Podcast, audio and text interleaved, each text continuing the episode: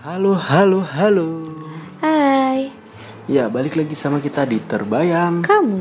Oke, hari ini kita akan ngasih tahu ke kalian tiga cara sederhana membahagiakan pasangan.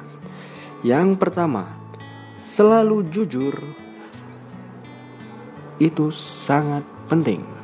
Kenapa?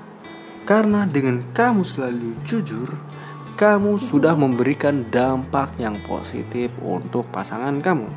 Yang kedua, Memahami segala keinginan dia karena kamu sudah tahu dia tipe seperti apa.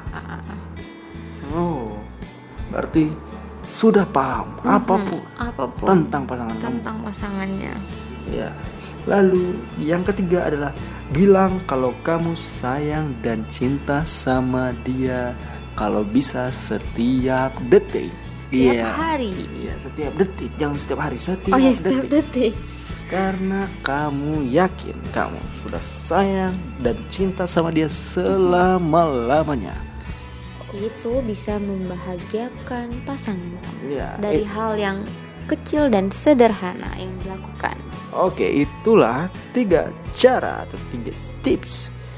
untuk membahagiakan pasangan kamu dengan hal yang sangat sederhana.